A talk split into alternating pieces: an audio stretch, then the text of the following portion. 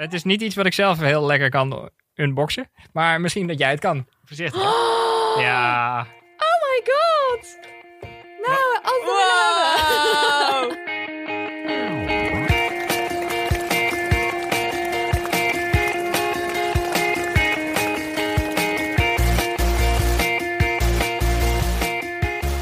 Welkom bij de 27e aflevering van Suzy Q&A, de podcast over hardlopen, training en wedstrijden. Ik ben Olivier Heimel, hoofdredacteur van Runners World. En naast mij zitten Susan Crummins, de nummer 7 van de wereld op de 10.000 meter. En schrijfster, vlogster en loopster Annemerel de Jong. Uh, Suzanne, dit is onze eerste keer in de dag en nacht eh, studio. Het is eigenlijk net jouw eh, huiskamer, maar dan zonder intimiderende fitnessapparaten. Ja, maar wel met koffie. Maar dat heb je thuis ook, toch? Ja, dus Maar ik ben er blij mee. Ja, Ja, ja, ik ben er blij mee. ja, ik Dus zie de opluchting op je gezicht, Ja, nee, want ik was al bang dat de nieuwe studio geen goede koffie zou hebben. Dus eh, En er hangt een poster van ons. Dat nemen we ook enorm voor deze ruimte in. ja, prachtig. Ehm, heb je iets leuks gedaan dit weekend? Eh, ik heb zeker wat leuks gedaan. Ik heb, eh, zaterdag heb ik een paar clinics gegeven samen met Bram Som. Dat is voor de Zevenheuvelloop. Dat was eigenlijk een soort van kick-off voor de Stevensloop. Maar dat was al met meer dan 140 mensen. Dus dat was best wel Wow. intens, maar heel leuk om te doen. Maar En- allebei 70 dan? Of? Nou, we hebben het eigenlijk in vieren gesplitst. Maar in totaal was het dan wel echt ja, vijf uur aan clinics natuurlijk. En dan door Nijmegen. Want de start is natuurlijk ook midden in Nijmegen. En het is eh, ja, wel mooi. Want het is vanuit de Stevenskerk. En daar ben ik natuurlijk ook getrouwd. Dus voor mij is dat echt het mooiste stukje Nijmegen. En eh, nou, daar gingen we dus leuk eh, doorheen huppelen. En oefeningen doen. En loopscholing van alles. En, en een hele mooie training gedaan. En het is een leuke training. Want het was namelijk een combinatie van een heuveltraining en een threshold. Ah, kijk, ik ben blij dat we dat woord vast gehad hebben. hey, maar wat is het belangrijkste wat de deelnemers moesten onthouden van gisteren? Nijmegen, prachtige stad. Stevensloop, 21 kilometer. Ehm, dat je ook af en toe in de trainingen het tempo tussen je duurlooptempo en all-out moet trainen. Dus een beetje doseren. Dus heel veel mensen die gaan natuurlijk eh, ja, doen hele lange duurlopen, rustige duurlopen. En dat is heel goed. En sommige mensen die gaan veel te hard in die duurlopen. Maar dat, tuss- dat stuk ertussen, dat is eigenlijk super belangrijk om te trainen. En dat is natuurlijk ook eigenlijk threshold. Maar daarnaast hadden ze natuurlijk ook een paar andere workshops over voeding. Even kijken, ze hadden iets over data, waarbij ze zeg maar de data van hun horloge konden analyseren. En ook ademhaling. Maar die data, daar leerden ze dus eigenlijk heel veel over wat je eigenlijk met je horloge allemaal kan doen. En wij zeiden juist weer tegen ze, soms moet je dat loslaten en juist op gevoel lopen. En eh, dat is wel belangrijk om dat te oefenen, zodat als dan in de wedstrijd iets gebeurt waarvan je denkt van, nou, ik weet niet hoe ik hierop moet reageren. Eh, mijn hartslag doet het niet of eh, de GPS doet het niet. Ik weet niet welk tempo ik loop. Dat je dan in ieder geval op gevoel toch weet in welk tempo je de wedstrijd uit kan lopen. Ja, als je hartslag het niet doet, heb je wel een serieus probleem. Dat heb ik best wel vaak trouwens. Maar ik heb van die dunne polsjes. Dus bij mij werkt dat echt nooit op mijn pols. Daarom doe ik vaak een, een band om als ik zeg maar wel iets met hartslag doe. Want die vraag kreeg ik natuurlijk ook. Want ik had een horloge over mijn mouw. En toen zeiden al mensen van, maar hoe werkt dat dan? Gaat het er dan doorheen? Door de mouw? Ik zei, nee, die hartslag die doet het niet. Ehm, ja, want Bram heeft me ook wel eens verteld dat hij altijd kwaliteit doet.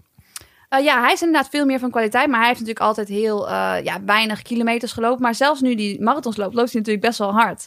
Dus het is, eh, ja, voor sommige mensen werkt dat ook gewoon. Je moet ook eigenlijk voor jezelf een beetje weten wat werkt. En als je meer fast twitch fibers hebt, dan nou, is dat sowieso al je strength. Dus dan moet je daar misschien ook meer proberen uit te halen dan ja, van die lange duurlopen in jezelf alleen maar langzaam maken. En ja, daardoor ook misschien wel blessures krijgen. Dus ik denk dat hij heel goed weet hoe hij zichzelf moet trainen. Dat iedereen dat voor zichzelf een beetje moet uitvinden. Voor mij is het precies andersom. Ik moet juist kilometers lopen. Ik, eh, nou, je moet er een keer langer al doorgaan. Ik had trouwens ook een leuk weekend. Alleen ik wilde dus naar de parcoursverkenning van de, van de Tour Rivers Marathon. Die had ik vorig jaar half gelopen, zeg maar. En het is bij ons in de buurt, in Mhm. Den Bosch. En ik moest op de fiets naar Bistro in Petro in Rossum. En dat zou, zeg maar, hemelsbreed was het 11 kilometer. Maar ik denk dat ik wel 20 kilometer heb gefietst door echt de meest verschrikkelijke wind en regen. En eh, eh, ja, ik weeg natuurlijk maar 62 kilo. Dus af en toe moest ik afstappen van die dijk, omdat ik gewoon van de dijk af werd geblazen. Ik kwam 20 minuten te laat, dus iedereen was weg bij Bistro in Petto. Ja, En eh, ja, toen ben ik uiteindelijk nog naar Zaltbommel gefietst. Inmiddels bijna huilend, omdat mijn broek was zo nat ook dat hij steeds afzakte. broek was En toen nat. moest ik, ja, moest ik met die fiets zeg maar de trein in, want ik kon gewoon niet meer naar huis komen. En toen eindelijk wou ik instappen, toen was die trein daar en toen zei die man, nee, hier mag je niet instappen, je moet daar. En het was gewoon een lege trein, hè. Dus ik keek nog en op het moment dat ik begon te lopen, begon hij te fluiten. Ja, dat was denk ik wel een van de dieptepunten van mijn leven. Dat ik dacht, ik ga deze trein niet missen, omdat ik een deur verder moet, terwijl het een lege trein is. Maar goed, ik heb het eh, ja, hartstikke leuk overleefd. En eh, ik kijk toch uit naar de marathon. Lijkt me hartstikke leuk avontuur. Ja, superleuk. En ik heb het wel het is leuk verkend, het parcours. Wel Ja? met de fiets dan. Ja, En er was ook één moment dat ik dacht, ik ga van die dijk af. Want ik word gewoon van die dijk geblazen. Ik ga gewoon via het binnenland, de Bommelenwaard. En dan kom ik straks over 20 kilometer wel weer op die dijk. En dan kom ik thuis. prachtig, ja. Nou, heb ik dus gedaan. En toen fietste ik de dijk weer op. En toen kwam ik gewoon precies de dijk weer op waar ik 20 minuten daarvoor de dijk af was gegaan. Dat is best ongelooflijk. dat ik gewoon niet door had dat ik zo vaak een linkerbocht heb genomen dat ik gewoon niet was opgeschoten. Ja, dat is ook een moment dat ik even lastig had bij mezelf. Ja, ik snap het. Ja. Ik moet natuurlijk gewoon leren autorijden. Ja, ik moet eerlijk toegeven, de Montferland Run, die heb ik dus gewoon eh, ja, parcours verkend in de auto. Dat ging eigenlijk best wel goed. Ja, ja. Ja. Nee, dat maar kan is ook wel een ook. beetje lui natuurlijk. Maar dit leek me allemaal leuk met gezellige Ja. mensen en zo. En dan samen lopen. Ja, nee, dat is ook Ehm, weer waar. Dus eh, ja, nou Jammer. wie weet ga ik het toch een keer eh, leren. Ja, ik had het eigenlijk moeten leren toen mijn eh, vrouw zwanger werd. Toen was de afspraak Ja, dat ik zou leren autorijden. nooit te laat toch? Nee. nee, dat is waar. Wie weet. Ehm Anne Merel, wij kennen jou als loopster en vlogster en schrijfster. Ja. Onder meer van het boek Ik heb geen zin, waar ik ook nog in opdook. Ja. Als een van de mensen waar je geen zin van kreeg. Suzanne is, is zelfs in twee boeken opgedoken. Wauw, Ah, had ik ook eens wat, maar jij verdubbelt de score. Ja, inderdaad, sorry. Welke twee boeken is Suzanne Altijd weer opgedoken? competitie. Eh, ik heb geen zin en ehm train als een topatleet. Die laatste heb ik gelezen natuurlijk. Ja. Daar staat Die een- eerste, die te... Ja, die heb ik ook gelezen, maar dat, ik bedoel, Alleen we eigen zeggen dat ik mijn eigen stuk heb gelezen. Ja, alleen tien keer gelezen. Ja, nee. Oh, wauw. Zegt hij toch wijze dingen. Ehm, eh, nee, maar die laatste heb ik dit weekend even herlezen om er een goed gesprek van te maken. Ja. Want jij eh, bereidde je daarvoor op de marathon in 16 weken. Ja. En eh, ik vroeg me vooral af, en dat was ook een van de vragen van Fenne Oppers, geloof ik. Wat, wat heb je daar nu van meegenomen, behalve je verloofde? ja, dat wou ik net zeggen. Best een goede score. Iedereen Ja. herinnerd. Ehm, vooral dat ik in verschillende tempo's loop. Want ik deed eigenlijk alleen maar duurlopen. Ehm, ik eh, deed eh, één lange duurloop per week. En dan nog twee tot drie keer een wat kortere duurloop. Tussen de vijf en de 12 kilometer. En dat was het. En ik deed alles met een pace tussen de 4,55 en 5,10. Oké. En ik loop nog steeds eh met duurlopen in dat tempo. Alleen doe ik ook wat eh thresholds. En eh, Kijk, en wat eh, kortere afstanden en ehm, nog langzamere loopjes, herstelloopjes. Dus ik ben veel meer in tempo gaan wisselen. Ehm, ik heb krachttraining gedaan. Ehm, eh, hebt gedaan. want- ja, dat is dus wel een beetje een verhaal, want ik heb het krachthonk sinds augustus niet meer gezien. Dat is wel een klein dingetje. Eh, maar in de kerstvakantie gaan we er weer hard tegenaan, hebben we vanmorgen besloten. Dus dat, eh, Ja, want ik las dat je juist van kracht zoveel energie kreeg. En, ja, ja, klopt. ja. Nee. Heb je stiekem toch niet leuk genoeg? Ehm, nou, het begon in september. Ik had al een tijdje last van mijn beelheup eh, gebied. En eh, toen zei de fysio op een gegeven moment... doe maar even geen eh, squats meer, doe maar even geen deadlifts meer. En op een gegeven moment kon ik zoveel minder doen... dat ik eigenlijk dacht, nou, ik ga voor één oefening naar het krachthonk. Dat is ook wel weer een beetje overdreven. Eh, maar ik denk dat we inmiddels op een punt zijn... dat ik wel weer wat oefeningen kan doen. Ik neem het me ook altijd voor. Ja. Ik vind het best lastig om erin te ja, ik vind kracht ook niet leuk. Ik doe het wel, maar het is echt omdat ik gewoon niet geblesseerd wil raken. Dus het is Dat niet, is, gauw jij het- stopt als atleet is dat het De eerste- kracht valt af, ja. Dat is echt... eh, Ja? ik, ik weet niet. Ik, eh, ik vind het gewoon niet, eh, ik, niet spannend genoeg. Het is... eh, Ik weet ook Maar- niet zo goed of ik het nou voor of na het lopen moet doen. Ja, je moet het natuurlijk eigenlijk helemaal los doen. Maar Ja, ik doe het als ik het zeg maar. Ik doe het soms wel eens dat ik 's ochtends ga lopen en dan meteen kracht achteraan. Dat heb ik vanochtend bijvoorbeeld gedaan. Maar eigenlijk zou ik het liefst kracht doen op een dag dat ik zeg maar een zware training 's ochtends heb.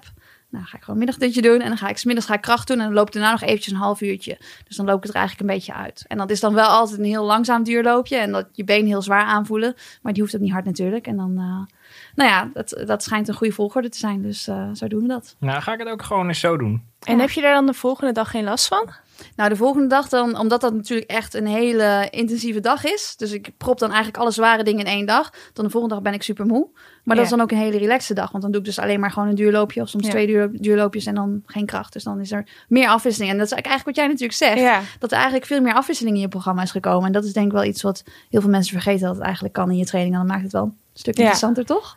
Nou, ik moet zeggen, ja, ik vind het wel echt veel leuker nu ik in verschillende tempo's loop. Maar ik geniet nog steeds wel, denk ik, het meest van de lange duurlopen met een pace van tussen de 4,55 en de 15. Want dat Ja. is gewoon, ja, daar, daar geniet ik gewoon het meest van. Loop je dan op dezelfde, in hetzelfde gebied? Of eh, maak je dan steeds een, een, dat je in verschillende gebieden loopt? Of...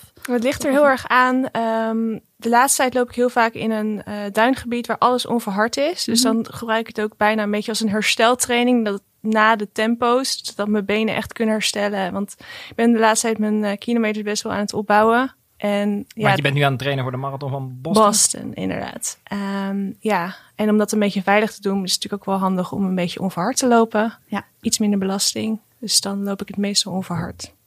In je oude tempo. Ja, wij zouden ook al lang ja. een ander spreektempo moeten aanhouden. Maar we vervallen ook altijd in onze oude groef, dus wij herkennen dat. Ehm, jouw trainer werd dus ook jouw geliefde. Ja, klopt. Ik eh, herinner me dat van de boekpresentatie waarin hij zei... Anne-Merel, jij bent de leukste. Anne-Merel. Ja, waarop ik Ik, zei, maar je kent maar één Ja. wereld. Dat is een van mijn favoriete scènes van Ja. boekpresentaties. Maar ehm, is, dat, eh, is dat lastig? Is hij nog steeds jouw trainer? Of- Ehm, ik, het is niet echt lastig. Dus ik, ik heb eigenlijk nu, heel eigenlijk is het heel praktisch inderdaad. Maar kan het iedereen we aanraden? zijn nu, eh, ik heb nu mijn eigen schema richting Boston gemaakt en hij heeft gecontroleerd. En op het moment dat ik denk van is deze training nu wel handig, dan overleg ik met hem. Maar zo overlegt hij ook met mij als hij zijn trainingen doet. Oh ja. Want bijvoorbeeld afgelopen donderdag wilde hij 200 gaan doen. Toen zei ik, maar waarom ga je geen 400 doen? Want volgende week donderdag ga je ook al 200 doen. En je hebt last van je hamstring, dus waarom zou je nu 200 gaan doen? En dan, oh ja, oh ja. Dus hij heeft nu voor het eerst ook een soort van iemand die naar zijn trainingen kijkt. Oh, Ja, dat is hij natuurlijk niet gewend. nee, Nee. Als nee dat, volgens mij traint hij zichzelf al sinds 1995. Ja, wauw. Dus dat is, eh, Ja. ja. Want hij traint hij ook nog een vereniging? Eh, ja, Olympus 70. Oh ja. maar die- die doet hij nu nog één keer in de week. Ah, kijk. Ja. Hey, eh, ik moest trouwens ook wel een beetje lachen dat jij altijd vertrouwt op een dosis Imodium bij je duurlopen. Dit is een Ja. dosis Imo. Maar dit geheel terzijde. Hey, we hebben ontzettend veel vragen. We gaan snel eh, naar het eerste segment. Ask Suzy. Stuur je vraag in, dan beantwoordt Suzanne die hoogstpersoonlijk in de uitzending. Mini Verheij vraagt zich af of je druk voelt om te presteren, omdat je over hardlopen blogt en vlogt. Nou, ik voelde vorig jaar wel een beetje druk met het boek. Ja, begrijp Want ja, je gaat niet voor niets 16 weken all in. Dan wil je ook wel dat er een prestatie uitkomt. En ook omdat uh, ja, ik werd be- begeleid door vijf mensen. En als je dan geen goede prestatie, als je dan gewoon langzamer bent dan je oude persoonlijk record, dat is niet echt. Uh, dat ga je niet echt goede, veel boeken mee verkopen, denk ik. Um, nu, ik voel af en toe wel druk, maar ik denk eerder van mezelf dan van de buitenwereld. Ja, jouw vlogvolgers zijn er ook gek op als het misgaat. Ja, daarom. Je ik weet dat het gaan. verkoopt. Echt waar. Nee, ja, ik denk dat. Ja, ik, ja, ik, Nou, misschien moet ik, ik- ook een vlog beginnen. ik denk dat als ik ineens 35 minuten op de 10 zou lopen, dat ik ook niet echt heel erg meer mensen zich zouden kunnen identificeren met mij. Want er zijn niet zoveel mensen die dat kunnen. Ja, Suzanne kan dat en jij kan dat. Maar ja, Wij hebben heel weinig volgers. Nou, jij dan iets meer. Maar ja. Ja, maar ik- Suzanne Ik loopt vlog echt op natuurlijk sowieso niet, maar eh, ik vind, maar jouw vlogs, je doet het ook iedere dag natuurlijk. Dus Ja. dan, dan zitten er vanzelf wel dingen in die Ja. natuurlijk niet goed gaan. En ik denk dat dat juist heel leuk is Ja. en dat het daarom heel echt is. En het maakt het ook makkelijker om gewoon alles te delen. Want als je krampachtig dingen niet kan Mhm. delen, is het echt niet fijn. Vind je dat soms wel eens moeilijk dat je dan besloten hebt om zeg maar zoveel te, van jezelf te delen? Dat je soms wel eens denkt van, eigenlijk zou ik vandaag wel gewoon een dagje vrij willen nemen en niet willen vloggen en, en gewoon mijn eigen ding doen? Ja, maar het ding is, als je gaat, ook al heb, heb je 's ochtends dat idee, als je dan die camera pakt, je gaat niet meteen heel zagrijnig in die camera praten. Dus je probeert al iets positiever te zijn. En van die positieve instelling word je vanzelf ook positiever. Oh, dus eigenlijk zouden we allemaal moeten vloggen. Ja, de, misschien de wel. wereld zou er een stuk beter uitzien. Ja. Weet ik niet helemaal zeker. Maar, positief. maar eh, monteer jij het ook zelf? Ja, Maar dan moet je dus s'avonds nog een keer naar jezelf kijken. nee, dat doe ik 's ochtends. 's ochtends- 's ochtends Oké, vroeg. ja, Daar begin ik mijn ja. dag mee. Ik ga ontbijten en dan eh gaat mijn vriend de deur uit. En dan ga ik mijn vlog editen. En dan is het eerste wat ik dan op de dag doe. Dus die routine is ook heel fijn. Want ik heb natuurlijk geen baas. En Ja. dan is Heb je die, die druk? Want dan heb je eigenlijk een deadline dus iedere dag. Ja. Dat heb je nodig, Ja, denk dat vind je? ik fijn. Ja. Ja. Want als ik dan als ik een week zou wachten, dan zou ik ook echt een week wachten. Ja. En dat, dan ga je ook in je hoofd ga je die beelden, dan denk je, oh, dat waren slechte beelden, ik heb er geen zin in. En dan maak je het steeds erger, gewoon uitstelgedrag. Hm. Net als dat je gewoon moet hardlopen op het moment dat je thuis komt. En niet dat je eerst een uur op de bank moet gaan zitten. Maar dat je moet je ook gewoon meteen die vlog editen. Want eh, moest jouw vriend daar nog aan wennen dat, dat er steeds een camera was? Nou, in het begin, de eerste keer zei hij, eh, ik wil niet op beeld. Oh, En eh, toen eh, had ik maar, deed ik het eerste shot. En hij kwam meteen, kwam die midden in het fragment invallen. en die praat. Ik zeg, serieus? Jij wilde toch niet op beeld? En nu vindt hij het, nou, ik denk bijna leuker dan ik nog. oh. Mooi is dat. Dat Ja. hij vaak de camera pakt. En dan denk ik van, oh, nu even niet. Maar dan, dan Ja. pakt hij weer de camera erbij. Vooral, ik deed afgelopen zaterdag deed ik een trash shot. En hij ging mij eh pacen. En hij zei van, oh, zou ik even filmen? Dus ik zei, nee, ik moet me nu focussen. Ik moet dit tempo halen. Maar dat, want hij wilde dan met mijn telefoon filmen. Hm. Maar voor hem is dat natuurlijk een tempo wat een beetje achteruit lopen is. En voor mij was het gewoon focus tempo. Dus eh, nee, ik heb gewonnen. We hebben niet gefilmd. Oh, ah, kijk. Ja, Ga ik je heb- niet eh, mooier lopen van de camera? Als de camera, als je, als je weet dat je gefilmd wordt? Ja, maar dan ben je daarna ook heel vermoeid. heb ik wel. Echt? Ja. Nou, ik heb wel eens een finish van jou gezien. Ik dacht, als, Nee, maar dan als hebben we het over wedstrijden. Hebben we het over wedstrijden. In trainingen, dan is het wel eventjes, als, als ik merk dat er iets gefilmd wordt, dan denk ik wel weer van, oh ja, even mijn schouders. Dat ik niet Ja. zo, weet je wel. Dat Ja, maar ik ga dan ook meteen techniek. harder lopen. Ja, maar en dat dan, goed juist? ja, maar dan ben ik daarna weer, dan de rest van de, van de, van de run, moet ik daar dan weer Ja, van herstellen. van herstellen. Ja, dan is die focus ook weg. Bij mij is het, ja. Mijn, mijn dochter liep gisteren een crossje. En, Oh ja? eh, eh, dat was heel lief. Eh, Oh ja, alleen- Eng- Engelenmeer toch? Ja, zeker. En Ja. volgens mij heb ik die ook nog wel eens gedaan. Kijk, Heel ja, lang dus, geleden, eh, daar, daar komen de kampioenen vandaan. Ja, Maar, sowieso. eh, dan, dan loop ik natuurlijk ook mee met foto's maken en zo. Ja, kun je er bijhouden niet, dan? Niet per se op te wachten. Nou nee. Ja, nee, ik heb ook wel eens wilde ik filmen bij de vestingloop. Gewoon Mhm. om een filmpje te maken van de vestingloop. En bij de kidsrun. En toen zei ik, eh, is het goed als ik hier langs het hek meeloop? En toen zei die meneer, eh, die kleine kinderen lopen veel harder dan je denkt. Dus eh, kijk maar of het lukt. Nou, Ja, dat was wel even, een kleine klap voor mijn ego. Maar gisteren heb ik dus een foto's gemaakt. En ik dacht halverwege, ik ga geen dingen zeggen als... Kom op nou. Maar ik zei wel, als je nou nog even versnelt... dan kan je dat meisje daar inhalen. En toen zei ze zo heel snibbig... Het gaat niet om inhalen, papa. Het gaat om plezier hebben. Oeh. nice. Dus eh, ja. Pushy parent. Ja, ja, het was een hele, hele nederige stemmende dag. Ja. Later Leuk. zei mijn eh, stiefzoon ook... eh, eigenlijk eh, lijken jij en Elisa, dat is dan mijn dochter, precies op elkaar... maar ben jij wat beter opgevoed. Ik, wauw, dat lijkt een compliment, maar is eigenlijk toch een belediging. Ehm Anne Lotte. Lotte, denk ik. Ja, staan twee E's. Eh, hoe ga je eentje door met intervallen als je na één interval eigenlijk al niet meer wil? Want dat vindt zij Nou, best ik lastig. zet ze dus van tevoren allemaal in mijn, telefoon, in mijn horloge. Oh, wauw. En als je dan, dan moet je dus eh, vroegtijdig je training afbreken. En dat voelt dan wel alsof je een wedstrijd uitstapt. Ah. Dus is het dan toch een voordeel dat er dan mensen eigenlijk een soort van meekijken ook? Omdat je Nee, dan, nee, eh, nee, want het is mijn je- horloge die meekijkt. Oké, maar het is niet dat je dan, in- als je in de vlog al iets zegt van, Nee, ik dan ga kan nu ik een lange duurloop doen en dan van, oh nee, ja, ik had toch geen zin. Dan dat- kan ik toch zeggen dat ik een lange duurloop ging doen van 10 kilometer. Je- Je kunt het altijd zo monteren als je zelf wil. Ja, oké, dan haal je er dingen uit. Maar dat, dat, dat, heb Dat ik tot- dat heb ik nog nooit gedaan. Ik heb wel eens bijvoorbeeld gezegd van... ik heb vandaag een rustdag. En dan ging ik uiteindelijk toch hardlopen. Toen heb Oh, ik dat andersom. rustdag eruit gehaald. Want ja... Ehm, dus dat, dat vind ik wel heel fijn. Dat het in je horloge staat. En dan krijg je gewoon een piepje van... oké, nu moet je weer gaan lopen. En als het dan heel zwaar wordt... dan zeg ik tegen mezelf... oké, ik ga gewoon wat rustiger. Maar dan is die druk er vanaf. En dan ga je ontspannen. En dan ga je alsnog... loop je net zo hard. Ja. Ehm, Maar dit vroeg ik me wel nog even af. Ben je, ben je altijd gemotiveerd om, om, om te lopen en om te trainen? Ja, Of moet je echt alleen- een doel hebben? Of is het... eh, Ja, Ik moet wel zeggen dat het nu een stuk makkelijker gaat nu ik Boston heb. Ja. Ehm, maar in een schema. Een schema en een doel. dus want ja. ik heb geen zin, dat is eigenlijk niet waar. Ik heb altijd zin om te Nou, ik heb wel soms dat ik denk van... Ik heb, ik heb soms wel... Ik heb, ik heb geen zin om stuk te gaan. Want heb ik dan wel eens dat ik denk een training dat ik denk... Oh, dit is hier... Ja, na, na afloop vind ik het gewoon echt niet leuk meer. De, de, de laatste intervallen ga ik het gewoon niet leuk meer hebben. Mhm. Dan zit ik, zie ik daar wel tegen op. Maar als je dan eenmaal bezig bent, dan valt het wel mee. ik heb helemaal geen doel nodig. Nee, je hebt geen doel Oh, nodig. Ja, sommige mensen die kunnen gewoon trainen. Ik, ik heb wel ook echt een doel nodig. Ja, maar Dus dat denk je nu. Maar later heb je geen doel en dan ga je gewoon denk het wel. Ja, maar, dat je later ja, maar het hoeft niet zo intens. Het hoeft niet per se. eh, je hoeft niet per se. Zeg maar, het kan ook gewoon een, een tijd zijn die je wil lopen. Of gewoon een. een nou ja, dat je bijvoorbeeld in Boston loopt. Dat je gewoon in een leuke stad uit, uitkiest of zo. Maar wel iets ergens naartoe werken. Ik denk wel dat ik dat altijd moet doen. Ja. Maar gaan we jou een keer mastertoernooien zien en zo? Ja, maar dat zeg ik dus. En waarschijnlijk wordt het dan niet meer zo intens. Maar gewoon ga ik dingen doen die ik leuk vind. Ik- Ja, er zijn echt wel genoeg steden waar ik nog een wedstrijd wil lopen. Dus, Ja, eh, de dat- Big dat Six, eh, nou, de Big Six ga ik denk ik niet redden. Dat is, eh, maar een marathon moet natuurlijk wel een keer. Dat snap je ja, wel. ja, zeker. Nou, we Er zijn mensen van genoteerd. 80 die dit nog doen, hè? De Big Six, ja. Ja. dat is, dan heb je echt een, dan krijg je een hele grote medaille. Dat is nog groter dan Ja. die hier op tafel ligt, trouwens. Maar er zijn er wel echt veel meer. Er zijn zoveel mensen die dat doen dat ik al nu al niet eens meer zoiets heb van dat het heel bijzonder is. Nee, het is denk ik ook meer voor jezelf natuurlijk Ja. een overwinning als je zoveel marathons en Ja. dan alle groot hebt gelopen. Ja. Ik vind het ook wel tof, maar uh, ja, als Coldplay niet meer toert omdat ze niet te veel Ja. milieuschade willen, dan is de Big Six wel best een dubieuze Ja, doel misschien. Eh, ja. Dus dat vind ik moeilijk. Ja. Want ik zie ook wel dat wij in Runnerveld natuurlijk eindeloos vertellen. Je moet naar New York, je moet naar eh, Sri Ja. Lanka, want daar is de mooiste marathon. Maar ja, terwijl ik echt een supermooi rondje in Nijmegen heb gelopen afgelopen weekend. Kan ook gewoon. precies. Ehm, Britta Verheken die vraagt: eh, volgend jaar in september wil ik mijn eerste marathon uitlopen.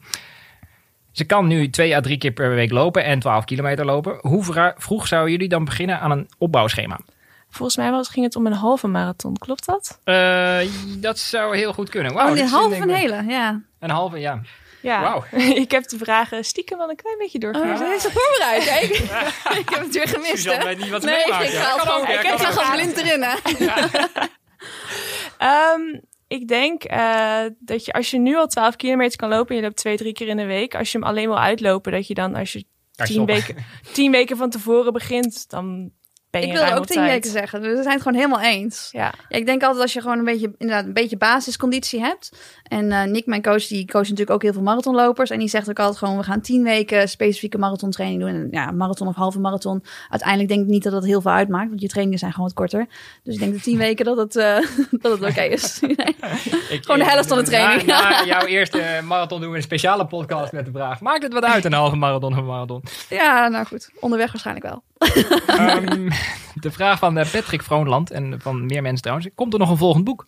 Mm, denk dat er ooit nog wel een boek komt. Heb je ideeën? Ik heb wel ideeën, maar dat is wel voor de toekomst. Mhm. Ehm, misschien komt er eerst nog een e-book. Hmm. Oh, leuk. Ja. Ik weet nog dat je, me, dat je me toen vertelde dat je ging trainen als een topatleet. Dat Ja. het idee er net was. En dat was natuurlijk, ja, Ja. dat was misschien wel een Dat- half jaar daarvoor of Dat zo. boek was al, nee, dat idee was er al voor. eh, ik heb geen zin. Dus Ja, toen klopt ging ik bij jou ging ik toen interviewen en toen eh, vertelde ik jou dat. Ja. Dat En toen was eh, jij zo enthousiast en dacht ik, oké, ik moet het echt doen. ja. Ik heb een eh, vraag van eh, Imo Muller. Hoe zit het met de marathonambities van jouw eh, geliefde Arthur? Ja, die, ehm, ik moest trouwens van Arthur iets aan jou vragen. want jee. heel veel mensen zeggen tegen hem dat je pas een hardloper bent als je een marathon hebt gelopen. Hoe denk jij daarover? Dat, dat klopt natuurlijk niet. Nee. Nee, ja, maar sowieso zijn er heel veel mensen die dan een marathon gaan lopen en die dan tussendoor heel veel gaan wandelen. Ja. Ben, je, ben je dan meer een hardloper dan iemand die wel gewoon een, Op de een halve Olympische marathon helemaal uit kan lopen? nee, Ja. daar klopt natuurlijk niks van. Ehm, hij heeft dus nog nooit een marathon gelopen. Ehm, maar waarschijnlijk in 2020 komt daar verandering in. Bada bing. Badabing, inderdaad. Maar Dus wilde- Boston of, eh? nee, we, nee, dan moet je dus al een marathon voor gelopen Oh, ja. hebben. En hij wilde heel graag lopen. Maar ik zeg, ja, met jouw halve marathon kom je daar niet binnen. Je moet gewoon echt een marathon lopen. Dat was even balen. Ehm, hij denkt nog steeds dat hij ergens een startbewijs kan vinden. Maar ik heb het hem gezegd dat dat, dat, dat waarschijnlijk niet gaat lukken. Eh, toen wilden we Berlijn gaan lopen. We zijn uitgeloot. Ah. Helaas. Ehm, dus misschien dat we dat nog wel op een andere manier eh, gaan doen. En anders wordt het New York. Ook leuk. Ja, Nou, hij is wel een doel, want eh, het familierecord staat op 2,49. Dus dat moet er wel aan. Vind ik ook. Ons ja. familierecord ook trouwens. Ook Van de 2,49 Crimmins, ja. van eh Andrew. Andrew. Nou, dan staat ons familierecord dan toch twee minuten sneller. Maar eh, Hey! Ren- Renate Runs vraagt, gaan jullie op Nikes trouwen? Nee. Nee, ik denk zelfs dat Suzanne niet op Nikes Ik getrouwd heb er is. wel aan gedacht, want ik had toen Ja. dat jaar had ik superveel eh blessures en pijntjes, maar uiteindelijk heb ik een paar hakken gekocht en daar gewoon allemaal kussentjes in gelegd en weet ik wat allemaal uiteindelijk, ja, ik kon ook gewoon Ja. rennen in die schoenen, dus dat was eh, uiteindelijk waren ze super comfortabel. Je ziet ze toch niet, dus je kunt Ja. op zich wel Nike's aan. Ja, maar ik denk dat als je zeg maar een jurk... Nou, het staat toch denk ik net iets mooier zeg maar aan de achterkant op het moment dat je... Dat je hakken aan hebt, zeg maar, in plaats van Nike's. Je gaat ook wat eleganter lopen, denk ik. Uiteraard. Ja, Ja.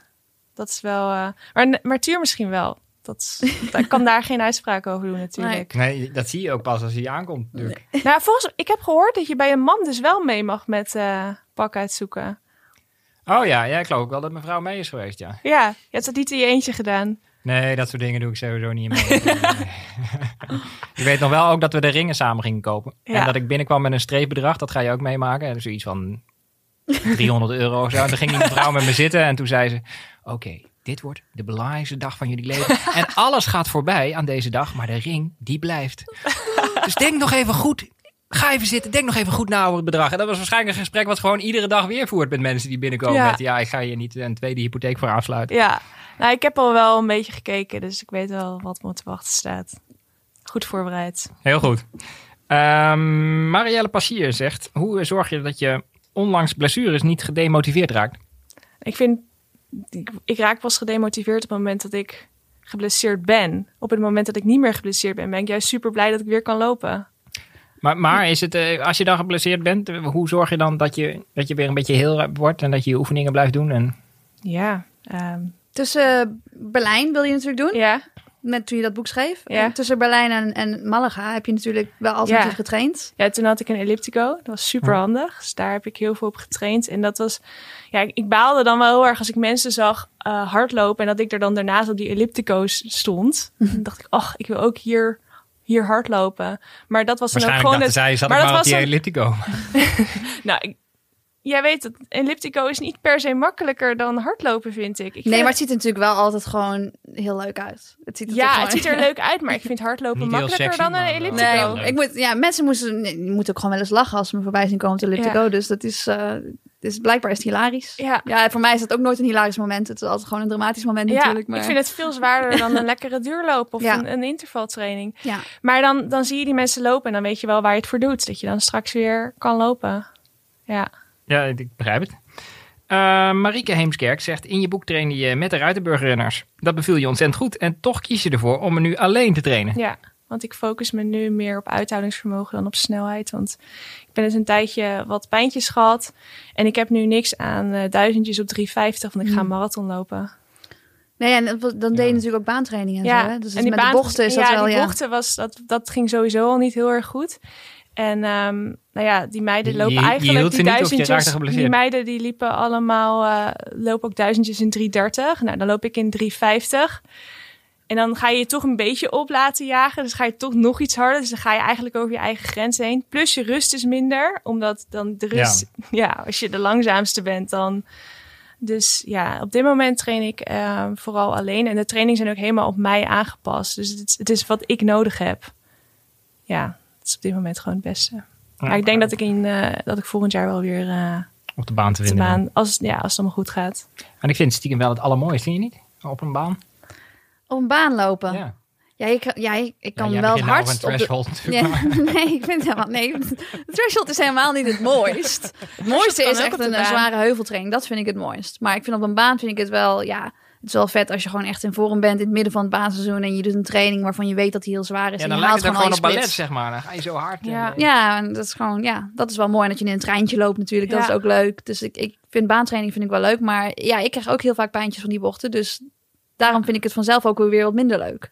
Heb je dan ook vooral pijn aan je linkerkant? Ja, de linkerkant die eh, heeft het echt zwaar te voortduren met de bochten. Dus eh, Ja. daarom als ik op Papendal train, dan, dan train ik op de grasbaan. En, en nou ja, dat is 500 meter. Ja. Dus dan is het iets, ruimere bochten. ja, ook. iets, iets minder erg met de bochten. Maar er zit wel één soort van scherpe bocht in. Omdat het dus niet helemaal... eh, ja, één bocht is gewoon een beetje bijna 90 graden. Die je wel wat anders kunt aansnijden. Maar dan heb ik soms nog steeds pijntjes daarvan. Dus ik weet dat voor mij zelf dat het beste is gewoon om alleen maar rechtdoor te lopen. Dus ja.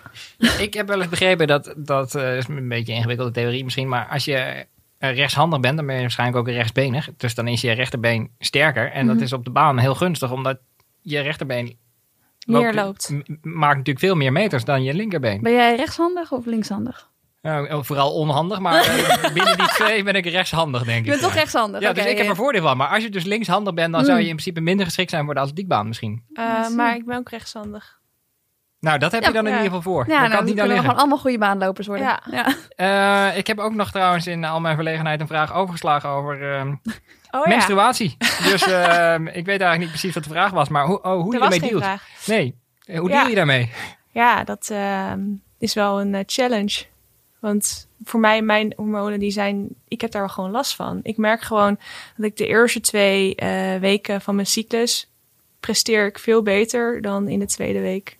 Van de laatste twee weken van mijn cyclus. En ik, op de dag dat ik ongesteld word, is alles oké. Maar de dagen daarvoor, not so much. Ik heb mijn PR op de 10 gelopen in Hilversum en Suzanne was daar. En toen werd ik twee uur voor de wedstrijd.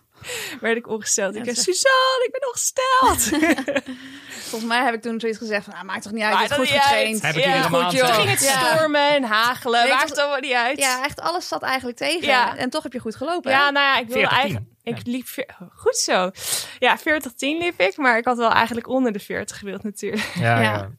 Maar ik denk als je een paar keer een wedstrijd hebt gelopen dat je ongesteld bent en dat je Ja. dus wel een goede wedstrijd loopt, Ja. dat het in je hoofd ook wat minder, dat je het minder groot maakt. Dus ik denk maar dat de dat dagen heel- ervoor zijn wel heftiger dan... ja, dat, eh, ja, dat, Ja. Heb, ja, dat heb ik ook. Ik lees daar nu een boek over ehm, van een eh Dr. Tracy Sims heet ze volgens mij. En ze heeft ook allerlei tips waardoor je, eh, je, je die, die, die negatieve effecten van, van de hormonen, waardoor je die wat kunt verminderen. Dus dat ga ik nu testen of dat gaat werken. We, we zetten hem in de show notes. Ja, Eh, nou, dan eh, zijn we er volgens mij alweer een beetje doorheen eh, qua vragen. Het, het tweede segment is het woord van de week.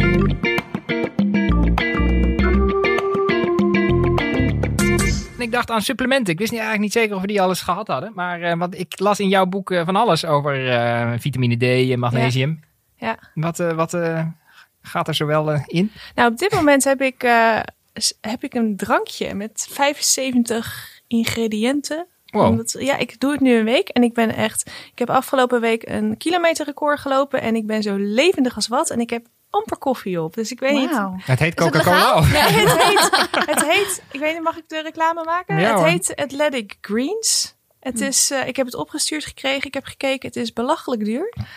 Maar ja, als ik me er echt zo door blijf voelen. En Dan- mag eh, Suzanne drinken van de dopingautoriteit? Ik Ja, denk, ik, ik neem alleen maar geteste ja, supplementen. maar het is, het, is, het is voor sporters getest. Ik zal het je wel... Er staat een eh, labeltje erop.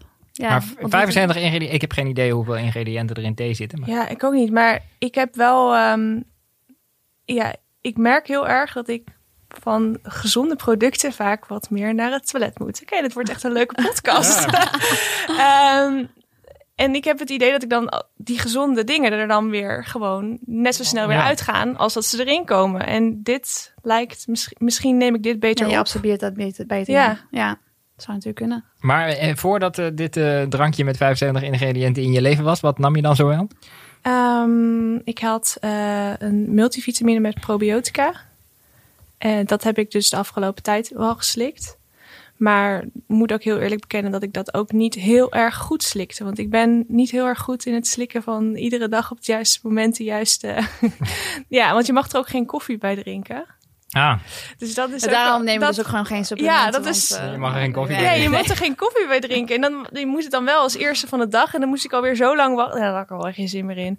Maar vorig jaar zomer toen zat ik op hoogte. En toen moest je wel echt ijzer bijslikken. Want ja, dat, dat weet jij denk dat is- Dan slik je denk ik wel een supplement. Of Ja, niet? sowieso ijzer. Nee, ik, ik neem ook wel gewoon supplementen. Maar het is, nou ja, maar welke uiteindelijk dan? moet je Want voeding... ik lees al dat de vitamine D zo goed voor zijn. nou, ik heb gewoon een multi. Dus gewoon, eh, er zit van alles in. En dan eh, daarnaast in de winter sowieso zink. Gewoon voor je weerstand. Vitamine C.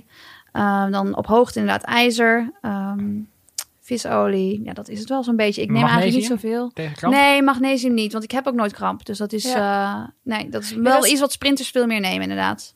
Ik eh, lees nu in dat boek heb ik gelezen, waar we het net over hadden, ehm, dat je als je een week, als je de week voordat je ongesteld wordt, als je dan magnesium gaat slikken met nog twee andere supplementen erbij, Mhm. dat je dan zeg maar minder kramp in je buik krijgt. Dus Ja. dat wil ik wel, eh, wil ik wel gaan testen, want ik slikte inderdaad ook geen magnesium, want dat had ik nergens voor nodig eigenlijk. Dus Nou, ik, ik heb het genoteerd. Eh, we gaan nog even een rondje doen eh, wat we de komende weken gaan doen. Suzanne, jij gaat Thailand op zijn kop zetten. Ja, daar heb ik echt zin in. Ik heb Ja. echt wel gewoon zin in vakantie. Ehm, toch wel een beetje een, een zwaar jaar geweest natuurlijk mentaal. Dus ik ben wel een beetje toe aan vakantie. Vond je het zwaarder dan het jaar daarvoor? Ja, eigenlijk wel uiteindelijk. Omdat ik gewoon best wel weinig wedstrijden ook heb kunnen lopen. En, natuurlijk eh, de opbouw uiteindelijk naar het WK best wel intens was. En, en ik gewoon onderweg wel steeds wat allemaal problemen tegenaan liep. Dat niks ging eigenlijk makkelijk dit jaar. Dus dat is... eh, nou ja, ik ben gewoon wel een beetje aan vakantie toe. En, en daarna heb ik ook wel weer zin om gewoon goed op te bouwen. En, en weer in een andere omgeving te trainen. Mijn coach erbij, mijn trainingsgroep erbij. Dus eh, allemaal dingen om naar uit te kijken. Maar eerst vakantie, dat is wel even goed. Want is het ook zo dat je stiekem om de vier jaar dan extra je best doet? dat ik extra mijn best doe. Nou ja, Nee. een Olympisch jaar met Nee, die schaatsers eigenlijk- worden ook altijd een beetje wakker. eh, Ja, jaar, nee, ieder jaar, ieder jaar probeer je eigenlijk gewoon een soort van perfecte formule te vinden in je training en alles daaromheen. Dus eigenlijk was het de bedoeling dat dit jaar een soort van generale repetitie werd voor volgend jaar. Maar dat is natuurlijk helemaal in de soep gelopen. Dus dat is, eh, dat is niet echt gelukt. Dus het is, nou ja, volgend jaar, natuurlijk, ik, net zoals ieder ander jaar doe ik gewoon mijn best. Maar ik heb wel weer heel veel geleerd. En ik denk ook wel dat ik nu, ja, ik denk dat ik op zich goed de winter inga. En dat ik, dat ik zeg maar vol vertrouwen aan het nieuwe jaar kan beginnen dat het gewoon beter gaat dan dit jaar. Annemerel, eh, jij gaat je voorbereiden op Boston. ja, ik ga dit weekend naar Malaga voor een halve marathon. Hey, waar je vorig jaar een Waar ik marathon vorig liep. jaar, de, vorig jaar de marathon liep. En het is grappig, want de halve marathon en de marathon starten tegelijk. Dus je start Ah. om half negen en eh, je loopt gewoon het eerste 21 kilometer van het marathonparcours. En dat was het leukste gedeelte van de Die marathonparcours. liep je ook heel hard, toch? die Maar, liep ik inderdaad heel hard. minuten onder je PR. Ja, eh, wat was het? Zes minuten liep ik onder mijn Oh, PR. Ik liep 1,32 eh, op de eerste helft. Ik weet niet eens of ik dat nu in een halve marathon kan. Ehm, dus ja, dat is wel... dat was het leuk. Daar heb ik goede herinneringen aan. En dat gedeelte van het parcours. Het tweede gedeelte van het parcours iets minder. Heb je wel iets langer van kunnen genieten? Ja, iets langer, ja. En eh, ook iets minder eigenlijk wel van kunnen genieten. Want je hebt de medaille mee op eh Suzanne's verzoek. Ja, je het allemaal zien natuurlijk. Ja, Ik ja. wil hem zien. Ja. Maar deze specifieke medaille was niet de reden dat je nog een keer wilde lopen daar. Eh, nee, absoluut niet. Mag ik hem even voelen? Ik wil even voelen of hij een Ja, beetje dit- zwaar nee, is. Want, totaal ja, niet. Want dat vind ik eigenlijk wel. Als je dan echt eh, ja, Ja, toch maar- 42 kilometer voor gerend hebt, mag je wel een beetje zwaar zijn natuurlijk. ja, ik moet je er even aan herinneren dat je ambassadrice bent van een wedstrijd met houten medailles. Ja, dat klopt. Maar dat is niet iedere wedstrijd. Nee, is waar. Ja, dit- Maar dat is ook geen 42 kilometer. En die Nee. kids vonden die vooral heel leuk, hè? Ja. Ja? Ja, de kids waren erg fan van de houten medaille. Omdat je daar eh, iets op kon schrijven. Ja, dat inderdaad. En dat gewoon Oh, ja, dat anders was. gedaan? Ja, ja, tuurlijk. Ik heb even gesigneerd op de achterkant. Al die medailles verpest. Maar goed. eh, Wat ik me nou altijd heb afgevraagd bij topsporters die dan signeren. ja, Stel dat jij een contract tekent, is dat dan dezelfde handtekening? ja ik heb hem, uiteindelijk heb ik hem dus makkelijker gemaakt, mijn handtekening. Omdat het inderdaad te lang duurde. En eh, ja, als je dan heel- je wil dan heel veel mensen dan zeg maar vooral bij kinderen, bij kids Ja. runs en zo, die willen allemaal heel snel een handtekening en je wil ook niet dat iemand gaat huilen, dus dan ja, doe ik het gewoon heel snel. En nu is uiteindelijk dat dus ook mijn handtekening geworden, terwijl die eerst een beetje ja moeilijker was. Maar je kan je handtekening, kan je dat veranderen?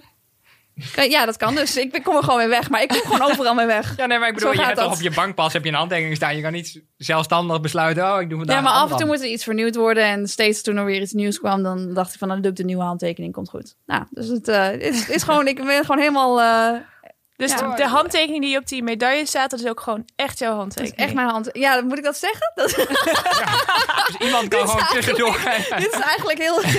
Zullen we dit even eruit knippen? Ja, en mijn pincode is... Ja, eh, inderdaad. Neem mijn leven maar over.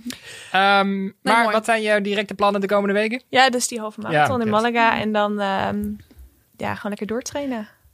Ik heb ook nog wel even een andere vraag. Ehm, als je zou moeten beschrijven wat jij doet... Zou je zelf dan... lastig. Ja, zou je, want kijk, als ik het aan iemand zou moeten uitleggen, dan zou ik zeggen: je bent een influencer, maar dat ben je niet. Dus, maar misschien heb je ook wel een hekel aan het woord. Wat, Nou ja, heel veel mensen hebben een, hebben een hekel aan dat woord influencer. En het is wel het makkelijkste uit te leggen wat, het, wat, wat je doet. Maar Ja. je wil dat eigenlijk, ja, omdat er zo'n negatieve sfeer om dat woord hangt. Dat klinkt een Zou beetje je toch? Alsof je mensen in, beïnvloedt zo. Ja, Ja. Ja, Maar- misschien een beetje superficial, maar jij vertelt natuurlijk een heel verhaal. Dus het is niet, je bent niet alleen maar gewoon iets aan het promoten, weet je wel. Je bent natuurlijk Ja. ook jezelf en je, en je, ja. nou, je stelt doelen en zo. Maar hoe zou je het zelf dan Nou, beschrijven? mensen zeiden tegen, het laatste iemand tegen mij, ja, als, je een, eh, als jij een elevator pitch zou moeten doen, dan zou je een hele, heel hoog gebouw moeten hebben. Want het is nogal, Ja. nogal uitgebreid. eh wat jij. Gewoon een hele doet. langzame lift. dat kan natuurlijk Ja, ook. dat kan natuurlijk ook. Ja, ik denk eerder, ja, ik zeg, ik zeg eigenlijk alles. Schrijver, ehm, redacteur, eh, vlogger, blogger, Instagrammer, Ja, hardloper, van alles. eter. ja, dus, ja het is, ik kan het niet in één woord vatten. Nou, ik vind het in ieder geval leuk om te volgen allemaal. Thanks. Ik vind eter ook wel een hele goeie. Ja. Ja. Zou ik zelf nooit... ik ben Oliver Heimel, eter. Maar, eh, goede Ja, ik ben begonnen met hardlopen zodat ik meer kon eten. Wauw. Ja, dat is, is wel een mooie manier om in de sport te stappen. Dat is Ja. wel eh, eh, ja, jij bent gewoon begonnen voor de roem, denk ik, toch? Of, Weet- voor? Nike's. gewoon omdat ik, ja, ik wilde gewoon rennen. Ja, nee, Ja. ik heb natuurlijk wel eerst atletiek gedaan, maar ja, dat kogelstoten zo ging me allemaal niet zo goed af. En eh, toen dacht ik wel van, hey, rennen is wel veel leuker. Dus het was gewoon wat ik het leuk vond. Maar het is Ja. wel een, eh, ja, het is een mooi eh, onderdeel van het vak dat je zoveel kunt eten natuurlijk. Heb je nog eh kerstcadeautjes? Ja, ik heb iets heel bijzonders voor jullie. Echt? Ja, we kunnen dat gewoon live unboxen. En Oh, dan- een unboxing. nou, daar ja, weet ik dan weer ik- alles van. Zal ik de vlogcamera erbij Ja, doe pakken? Het is niet iets wat ik zelf heel lekker kan unboxen. Maar misschien dat jij het kan. Voorzichtig. Ja. Oh my god. Nou, als we willen hebben. Wow. Nu al een collectors mooi. item. Nou, je kan echt mooi flat white in, toch? Ja. Ik, Bijvoorbeeld, eh, ja. En dan moet je, moet je hem dan, als je, want als je zo drinkt, dan zie je het zelf natuurlijk. Maar als je het zo drinkt, dan, ik ben eigenlijk rechtshandig. Dus Oeh, dat is een probleem dus waar ik nog niet over nagedacht. Ja, Ja, maar je moet je ook je altijd tweebenig trainen. Dus misschien ook, je moet je Ja, links en rechtshandig eh je moet, zo, zo zet je hem op Instagram Ja, versus reality. dat is een mooie. Nog even over de camera. Ehm jij rent ook met de camera, toch? Is Oh, is met je iPhone. Oké. Ja, Dat lijkt me ook wel dat je hebt daarin getraind dezelfde iPhone, die je filmt prima. Ja, lijkt me wel zwaar. Heb ik niet van jou geleerd dat je van boven naar beneden moet filmen? Ja, maar niet te, niet te veel naar boven. Want ik merk nu wel dat het beter is als je het net iets minder naar boven doet. Oh, oké. dat is wel dat is wel echt core stability ook. Als je dat eh, gewoon met één hand Ja. stilhouden. Dat is wel eh ik ben ook goede echt wel, training. ik ben inderdaad ook wel eenzijdig getraind. Want hier zou ik echt niet mee kunnen vloggen. En dit is wel echt steady. Nou, dat is een mooie uitdaging voor jou. Even Ja. één weekje vloggen met links. Ik las trouwens in je boek, nu we het toch over core stability hebben, dat jij elke keer je buik aanspant tijdens het lopen en dat dat een tip was. En dat jij dan ook zei, je moet je buik aanspannen. Maar ik heb mijn buik nog nooit Heb ik dat aangespannen. gezegd? Dat heb ik helemaal niet gezegd. Oh, ik ga voor de foto, denk ik. ja, mis- Mijn Voor de buik, foto. Ik weet niet mijn buik aanspannen, maar gewoon dat je je gewoon... Je, als je bijvoorbeeld een heuvelsprint doet, dat je je kracht ook uit de rest, niet alleen uit je benen haalt. en, ja, en dat je niet... Je moet je rug niet Ja. helemaal hol trekken, want dan haal je die kracht niet uit die gluteus maximus. Dus dat, dat is het wel een beetje. Je moet je heupen kantelen. En dat doe je wel een beetje door je buik aan te spannen. Ja. Maar niet, je hoeft niet van, oh, ik ga mijn sixpack showen. Nee. Dat is niet zo handig. Ik denk dat je dan zijsteek krijgt. Hoe gaat het met je zijsteek? Ja, nu gaat het heel goed met mijn zijsteek. Dus eh, Want je hebt de... de, de- de, de magische formule hebben we die gevonden? Wat zei je? Hebben we die gevonden? Nou, ik weet het niet. Kijk, ik heb het nu één wedstrijd kunnen testen natuurlijk. eh, in, een, in een 15 kilometer. En toen had ik geen zijsteek. Dus dat is niet te zeggen dat het nu gewoon helemaal weg is. Maar dat is wel, voor mij was het echt wel een verrassing. Dat het, eh, dus ik ben er wel blij mee. Dat is, eh, ik vind het een lekker, ik vind het lekker dat het nu zo aan het eind van het jaar zo gebeurt. Dat ik denk van, nou, dan ga ik nu mijn wintertraining in. En met een goed gevoel van, misschien hebben we dit wel opgelost. Ja, jij wil meer weten Ja. over hoe we het hebben opgelost. Ja, ik ook eigenlijk. Ik merk dat ik presenteer met mijn ogen tegen. Maar eh, ja. Ja, ja, ja, ja, ik haal tegenwoordig heel veel uit, jou, uit jouw blik. Dat is gewoon niet te geloven. Jij wil meer weten. Ehm nou ja, die zijsteek... Ik heb altijd al geweten van jongs af aan dat het vanuit mijn, mijn rib komt. Het wordt door, mijn, door een rib veroorzaakt. Nou ja, dat zit natuurlijk ook bij je rug. Dus ik weet wel dat als er, als er iets niet goed zit in mijn rug... dan heb ik sneller een zijsteek. Maar dat betekent nog niet dat als ik vaak naar een fysio of een osteopaat ga... Of, of zo, dat het dan opeens opgelost is. Maar wel dat ik vaak later in, in een wedstrijd zeg maar een zijsteek krijg. Dus daar heeft het wel iets mee te maken. Alleen, eh, ja, nu, nu blijkt dus eigenlijk dat er al heel lang in mijn rug eigenlijk iets niet goed zat. En dat moet eigenlijk een beetje ja, behandeld worden, zodat ik beter beweeg. Alleen, ja, we hebben het hier over ja, millimeters. Dus het is dat, dat iemand het ten eerste gezien heeft en dat het nu op de goede manier behandeld wordt. Ja, dat heeft gewoon heel lang geduurd voordat ik nou ja, de juiste persoon heb gevonden die dat kan doen. Dus dat is... hoe, ben je die zo op spoor gekomen? Is dat gewoon een Eh, bordje ja, het is gewoon trial and error. Want ik heb natuurlijk, ben natuurlijk door eigenlijk wel, nou, ik denk wel meer dan twintig verschillende eh, behandelaars behandeld voor deze zijsteek.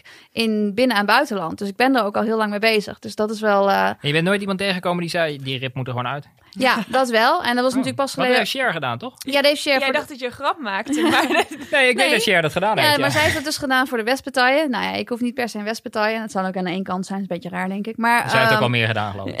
ik. Ik weet nog dat zij 50 werd en toen zei David Letterman in zijn show... ehm, Gefeliciteerd, Cher. Je bent vandaag 50 geworden-. Or shall we say, a part of Cher. Turn 50 today. Ja, heeft een punt. Ja, nou, dat is. eh, je kunt eh, blijkbaar een rib er wel uithalen. Dat is wel een beetje een heftige eh, operatie. Maar er is inderdaad pas geleden een fietser geweest die dat dus heeft laten doen. En dat artikel werd door verschillende mensen naar mij doorgestuurd. Oh, van ja, zo van: hey, moet jij niet. Dit voor jouw even- ook niet leuk om te lezen. Nee, maar ik ben daar altijd wel mee bezig. Het is iets wat ik op de achtergrond eigenlijk altijd mee bezig was. En ik heb zoiets van: ik hoef het er niet altijd over te hebben. Want het is, het is wel, ja, goed, het is wel iets waardoor ik langzamer ga lopen. Maar ik Ja. vind nog steeds dat het een beetje als een excuus klinkt. Zo van: ja, ik kon niet harder lopen omdat ik een zijsteek had. En dan zeggen mensen: ja, moet je niet zo hard starten. Nou, ja, als ik niet zo hard start, dan krijg ik inderdaad geen zijsteek. Maar ik weet dat mijn benen veel meer kunnen. Dus dat is natuurlijk. Nou, het is Ja. ook een beetje bij misselijkheid tijdens een wedstrijd, toch? Ik word vaak misselijk tijdens een wedstrijd. Maar dan zeggen mensen, ja, als je rustiger zou lopen, dan... Ja, nee, maar dan moet je het kunnen oplossen. Want dat hoeft niet. Je hoeft niet altijd misselijk te worden tijdens een wedstrijd, toch? Dus het is wel iets. Ik, ik blijf altijd zoeken naar oplossingen. En ik denk Ja. dat we een stapje dichterbij zijn. Dat vind ik wel. eh Met nou, na, van na je rib, 20 ja. jaar is dat wel fijn, hè? Zo zijn we helaas aan het einde gekomen van deze 27e aflevering van Suzy Q&A. Dank Volkert, onze technicus van Dag en Nacht Media. En dank Suzanne en eh, dank Anne Merel. En dank u beste luisteraar voor het luisteren. Ook namens Suzanne, blijf luisteren en lopen.